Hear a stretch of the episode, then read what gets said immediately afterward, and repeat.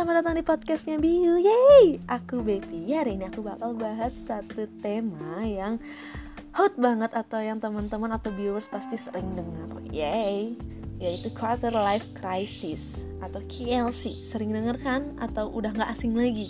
Benar banget. Apalagi buat teman-teman atau viewers semua yang umurnya sekitaran umur 20-an sampai 30-an gitu pasti udah gak asing lagi sama istilah quarter life crisis di mana dalam fase ini sering sekali disebut sebagai fase paling sensitif dalam kehidupan kita ya nggak sih? Atau fase di mana kita akan menghadapi banyak pertimbangan hingga keputusan-keputusan yang terasa membingungkan. Ya iyalah pasti ya jelas. Contohnya nih ya viewers uh, masa transisi biasanya yang sering terjadi kayak transisi dari usia remaja menuju kedewasaan atau transisi dari yang udah lulus kuliah nih terus mau kerja. Nah, biasanya pasti ada keputusan-keputusan penting untuk kehidupan kita di masa yang akan datang dan itu pasti akan membingungkan. Mungkin bagi sebagian orang uh, itu hal yang biasa dan ya udah aman nyaman ngejalaninnya tapi di sebagian orang juga itu bukan hal yang mudah untuk menentukan ke depannya kehidupannya mau seperti apa. Dan biasanya itu akan terjebak di quarter life crisis. Nah jadi ini viewers bakal bahas, eh sorry, Beautips bakal bahas gimana sih caranya ngelola quarter life crisis ini menjadi baik untuk diri kita. Jadi pada saat kita mengalami quarter life crisis itu nggak jadi negatif tuh viewers, jadi nggak jadi suatu beban tapi menjadi suatu pembelajaran. Oke, biar lebih jelas dan yang mungkin belum tahu sebenarnya quarter life crisis itu apa sih? Jadi si quarter life crisis ini tuh ada krisis emosional yang melibatkan perasaan ya, kesedihan, ketidakcukupan, keraguan terhadap diri sendiri jadi kayak tidak percaya gitu. Overthinking, kecemasan, tidak termotivasi, bingung, terus takut akan kegagalan, terus kayak nggak mau mencoba hal baru gitu kan. Nah, jadi poin-poin tersebut atau foto-foto tersebut itu sering kita dengar atau sering kita kenal sebagai KLC, quarter life crisis. Biasanya nih si KLC ini tuh dipicu permasalahan finansial, relasi ya, hubungan, karir, serta nilai-nilai yang diyakini atau kebiasaan-kebiasaan yang diyakini lingkungan viewers uh, terdekat misalnya kayak lingkungan keluarga, lingkungan pertemanan dan lain sebagainya kayak gitu. Terus nih, Biasanya juga si quarter life crisis ini dibagi menjadi empat fase loh viewers. Ini uh, datanya menurut uh, penelitian dari psikologi University of Greenwich London, Dr. Oliver bilang katanya si KLC ini ada empat fase. Yang pertama tuh adalah perasaan terjebak dalam suatu situasi. Jadi biasanya mungkin uh, kalau misalnya aku kasih contoh simpel ya aku udah lulus kuliah nih terus aku kerja di perusahaan A bagian marketing misalnya. Terus aku udah jalanin selama enam bulan dan aku ngerasa kayak kayaknya aku nggak cocok deh kerja di sini. Kayaknya aku salah deh buat kerja di sini. Aku nggak ada passion banget kerja di sini gitu. Nah viewers pada fase pertama tuh mulai menyadari kayaknya ini bukan jalan yang benar ini bukan keputusan yang benar seperti itu. Nah terus masuk ke fase kedua. Fase kedua tuh adalah uh, muncul pikiran-pikiran atau keinginan bahwa perubahan harus terjadi atau perubahan mungkin saja terjadi. Jadi abis ngerasa kayak kayaknya ini aku bukan berada di di situasi seperti ini bukan aku banget aku harus pergi. Nah itu mulai rasanya kayak udah aku mungkin harus cari kerjaan lain atau aku mungkin harus berbisnis atau yang lain sebagainya. Itu mulai uh, terjadi di fase yang kedua. Lalu fase ketiganya adalah apa? Fase ketiganya adalah uh, keputusan sudah dibuat. Jadi membangun kembali kehidupan yang baru. Jadi di fase ketiga ini biasanya viewers atau kita semua udah berada di sesuatu hal yang baru. Udah nggak bingung lagi karena kita udah ngambil keputusan. Misalnya nih kayak aku lanjut lagi ya. Tadi misalnya aku di marketing nggak cocok nih. Aku kayaknya harus pindah. Akhirnya aku udah ngambil keputusan aku udah nggak bingung lagi karena bingungnya di fase yang kedua ya. Di fase ketiga aku udah ngambil keputusan. Oke aku akan banting setir buat bikin bisnis aja. Karena kayaknya aku uh, passionnya di bisnis gitu. Nah itu di fase ketiga. Lalu fase terakhir adalah fase mengukuhkan komitmen terbaru terkait ketertarikan aspirasi dan nilai-nilai yang kita pegang. Jadi si fase keempat ini adalah meyakinkan diri kayak oke okay, aku udah berada di jalan yang benar dan aku bakal ngejalin ini sebagai uh, motivasi aku untuk menjalani kehidupan yang lebih baik di ke depannya. Nah kayak gitu jadi ada empat fase. Mungkin viewers sekarang lagi ada di fase yang mana nih? Bisa dianalisis ya teman-teman semuanya. Nah terus sebenarnya apa aja sih yang nyebabin seseorang bisa ngalamin krisis selama transisi menuju kedewasaan ini? Karena nih ya teman-teman aku di sekitar aku juga nggak semuanya loh ngalamin yang namanya quarter life crisis ini. Jadi ada beberapa teman aku yang ngerasa kayak aku habis lulus kuliah aman-aman aja kok aku kerja di tempat yang emang aku suka terus aku nyaman lingkungannya oke dan sampai sekarang aku masih bisa berkarir gitu.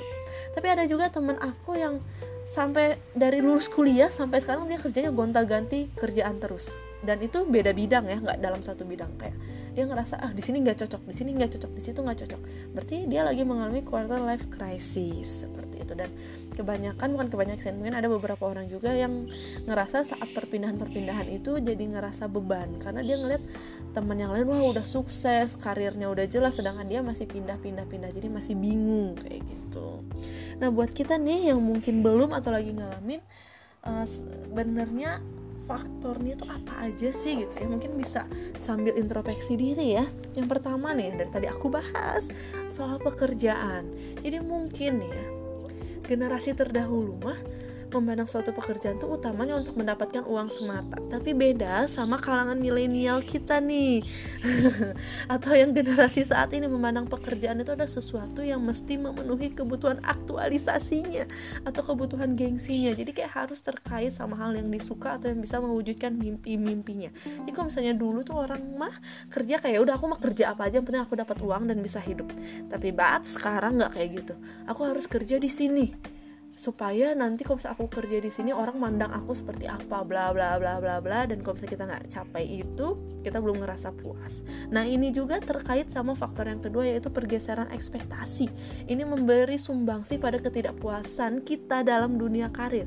Kekecewaan kecemasan dan ujung-ujungnya kita quarter life crisis lagi gitu kan?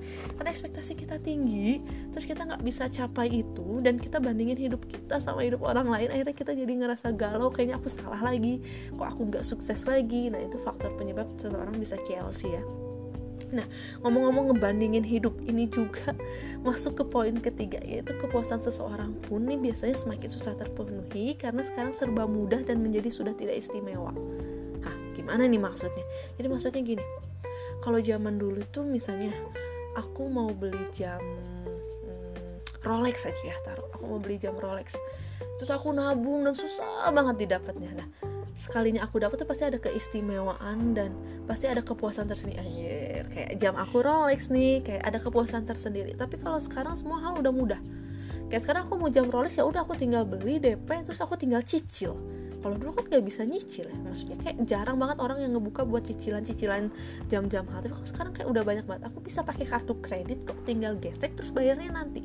Jadi pada saat aku pakai jam Rolex itu kepuasannya udah nggak ada jadi kayak ya udah biasa aja dan semua orang juga bisa kayak gitu. Nah terus yang keempat kesenjangan antara kesiapan diri dengan ekspektasi sosial inilah yang mengakibatkan KLC ini yang tadi aku bahas membandingkan hidup. Jadi uh, sering kali nih uh, anak-anak zaman sekarang atau dewasa yang baru dewasa zaman sekarang kayak ngebandingin dirinya dengan orang lain terus selalu berusaha untuk memenuhi ekspektasi sosial yang sebenarnya ekspektasi sosial itu adalah kita yang bikin gitu. Sebenarnya kayak kita yang membebankan itu sendiri pada diri kita padahal nggak harus kayak gitu gitu. Toh kamu mau sukses di umur 25 kamu mau sukses di umur 30 kamu mau sukses di umur which is itu 40 pun juga itu nggak masalah gitu dan nggak ada yang salah. Jadi please jangan bandingin diri kamu sama orang lain. Nah, terus kak aku udah nih aku udah berada di quarter life crisis dan aku bingung banget sih. Dan aku ngerasa kayak aku stagnan dan gak bisa maju. Terus gimana sih cara ngatasinya? Rata-rata orang kalau bisa berada di quarter life crisis ini dia pasti diem terus kayak jadi males jadi kayak ya udahlah gitu ngejalanin hidup seadanya. Padahal nggak boleh ya. Nggak boleh kayak gitu. Jadi sebenarnya ada beberapa cara nih yang dari biotim udah rangkum. Yang pertama adalah teman-teman harus sadari bahwa KLC ini adalah normal normal guys. Ini tuh normal. Nggak ada sesuatu yang salah gitu. Jadi apabila teman-teman ngalamin yang namanya KLC itu teman-teman harus ambil nafas tenang dulu sebentar. Nggak usah racing nggak usah buru-buru. Tenang dulu dan harus sadar kalau ini adalah normal dan ini adalah baik untuk kehidupan saya ke depannya. Seperti itu okay? sebelum mengambil suatu keputusan sebelum mengambil suatu kebijakan uh, dalam hidup teman-teman harus tenang dulu. Jadi jangan emosi dulu jangan terburu-buru dulu tapi harus tenang dulu.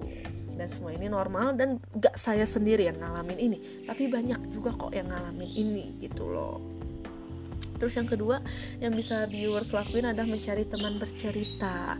Ya kembali lagi ya ke basic kita kan manusia ya makhluk sosial pasti membutuhkan orang lain ya nggak sih? Dan kita juga butuh untuk didengarkan. Jadi penting banget buat kita mencari teman yang benar-benar nyaman buat diajak ngobrol dan bercerita. Sehingga nih unek-unek yang di dalam pikiran kita tuh nggak ditampung sendiri tapi bisa kita bagi sama teman kita. Jadi kalau kita cemas ke, bingung ragu tuh jangan di pendem di otak sendiri tuh bakal bikin mumet.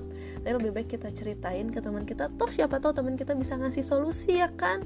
Toh dengan bercerita mungkin bisa mengurangi beban-beban pikiran kita.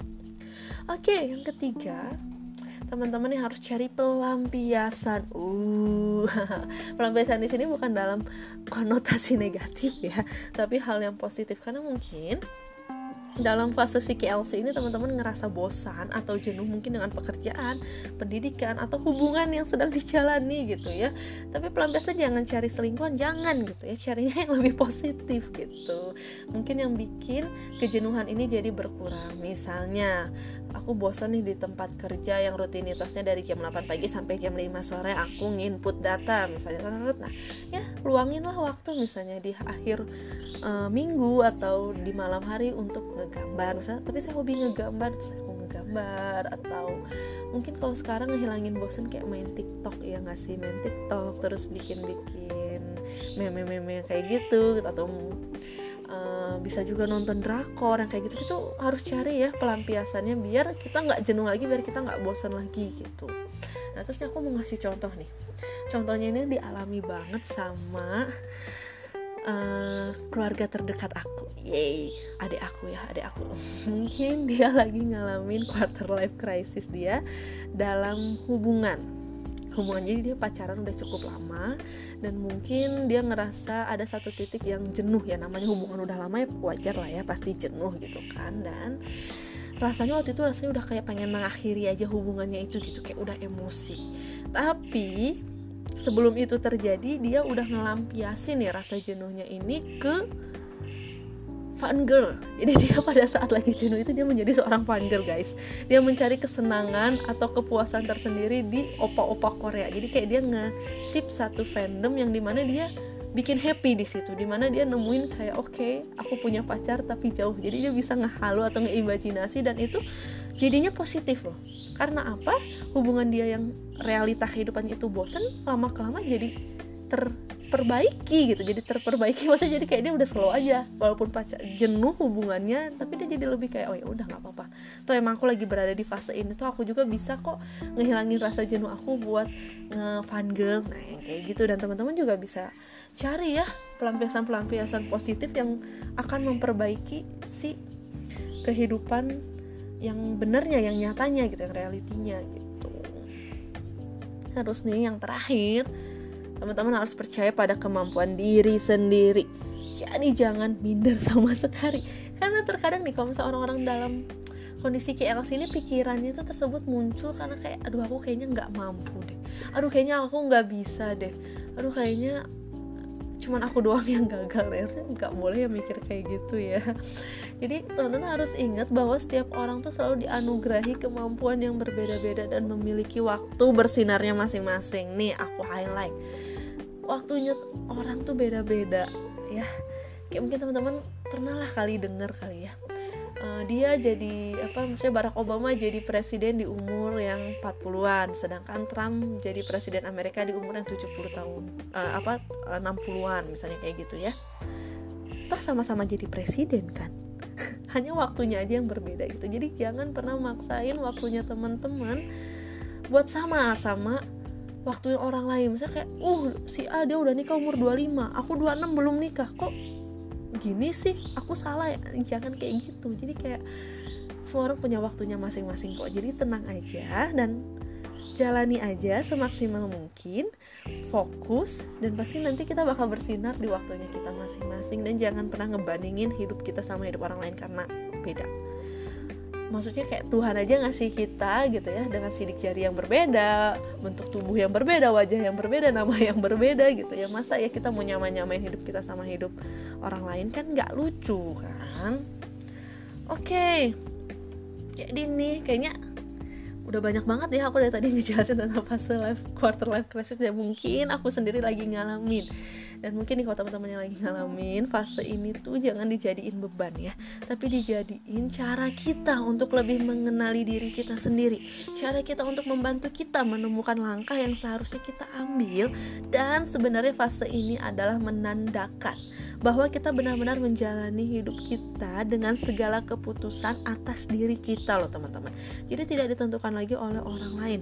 Jadi si quarter life crisis ini jangan dijadiin beban sekali lagi tapi harus dijadiin sesuatu motivasi sesuatu hal pembelajaran untuk kita bangkit ke depannya. Oke okay, viewers semoga bermanfaat ya tema atau topik yang dari tadi aku obrolin. Semoga hmm, kebantu juga.